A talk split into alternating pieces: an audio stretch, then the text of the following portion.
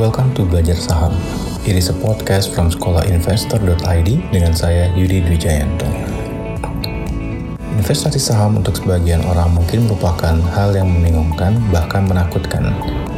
Hal ini disebabkan kurangnya informasi yang dimiliki oleh kita mengenai dunia investasi khususnya saham.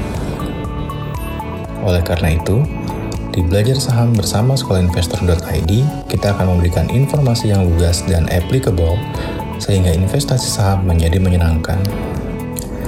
Dalam beberapa episode ke depan, kita akan membicarakan beberapa trading rules yang sudah terbukti yang dapat membuat trading saham kita menjadi stress-free dan menyenangkan. So let's get started. Di episode sebelumnya, kita sudah membahas rules yang pertama, yaitu Know Your Game. Untuk pendengar yang belum mendengarkan episode tersebut, langsung meluncur ke episode Trading Rules 1 Know Your Game. Pada episode Trading Rules 1 Know Your Game, kita menyinggung sedikit mengenai cara memanage resiko, yaitu dengan disiplin menerapkan trading plan. Nah, kali ini kita akan membahas mengenai rules yang kedua, yaitu trading plan. Sebelum memulai sesuatu, biasanya kita akan membuat suatu perencanaan.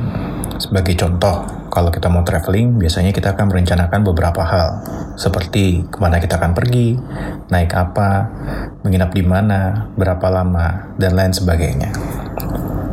Perencanaan itu dilakukan untuk memudahkan kita dalam melakukan traveling. Begitu juga dalam trading saham.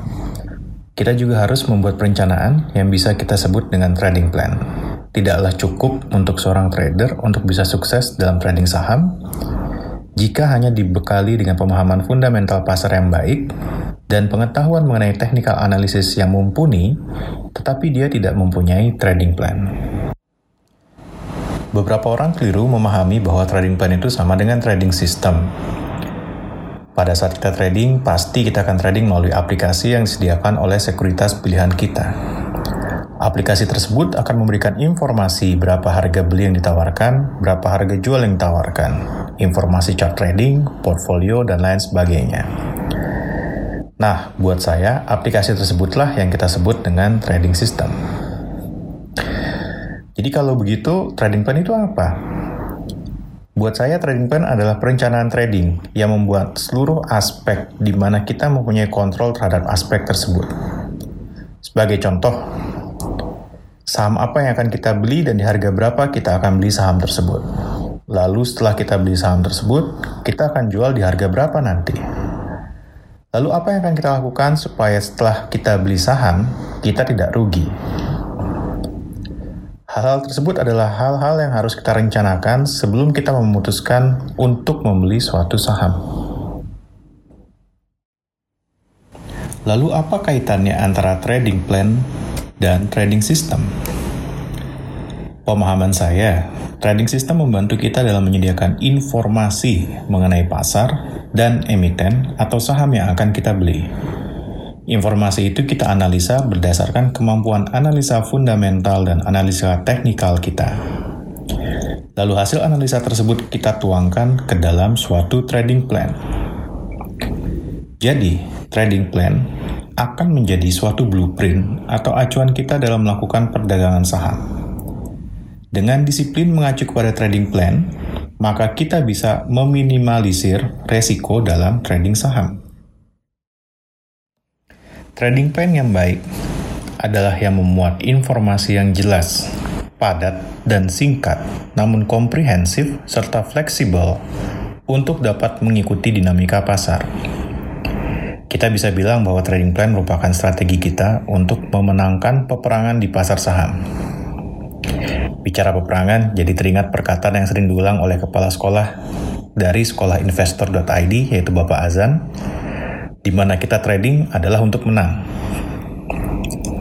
Oleh karena itu, keberadaan trading plan merupakan suatu strategi perang kita yang sangat penting untuk kesuksesan kita dalam trading saham.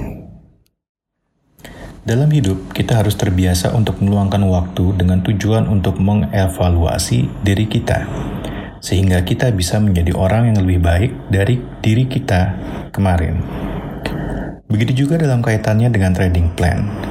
kita harus bisa membiasakan diri untuk selalu mengevaluasi trading plan yang sudah kita buat dan yang sudah kita jalankan. Kita harus evaluasi bagian mana dari trading plan tersebut yang memberikan kita keunggulan, serta bagian mana yang memberikan kita kemunduran. Evaluasi terhadap trading plan kita sangatlah penting untuk dapat membuat kita mengulangi kesuksesan yang sudah kita raih atau memaksimalkan bagian yang kurang maksimal, atau bahkan menghindari kerugian yang sudah kita derita. Satu hal yang sangat penting untuk kita semua ingat adalah hampir tidak ada rencana yang berjalan dengan mulus 100%. Oleh karena itu, janganlah berkecil hati apabila trading plan yang sudah kita buat tidak memberikan atau belum memberikan hasil yang maksimal.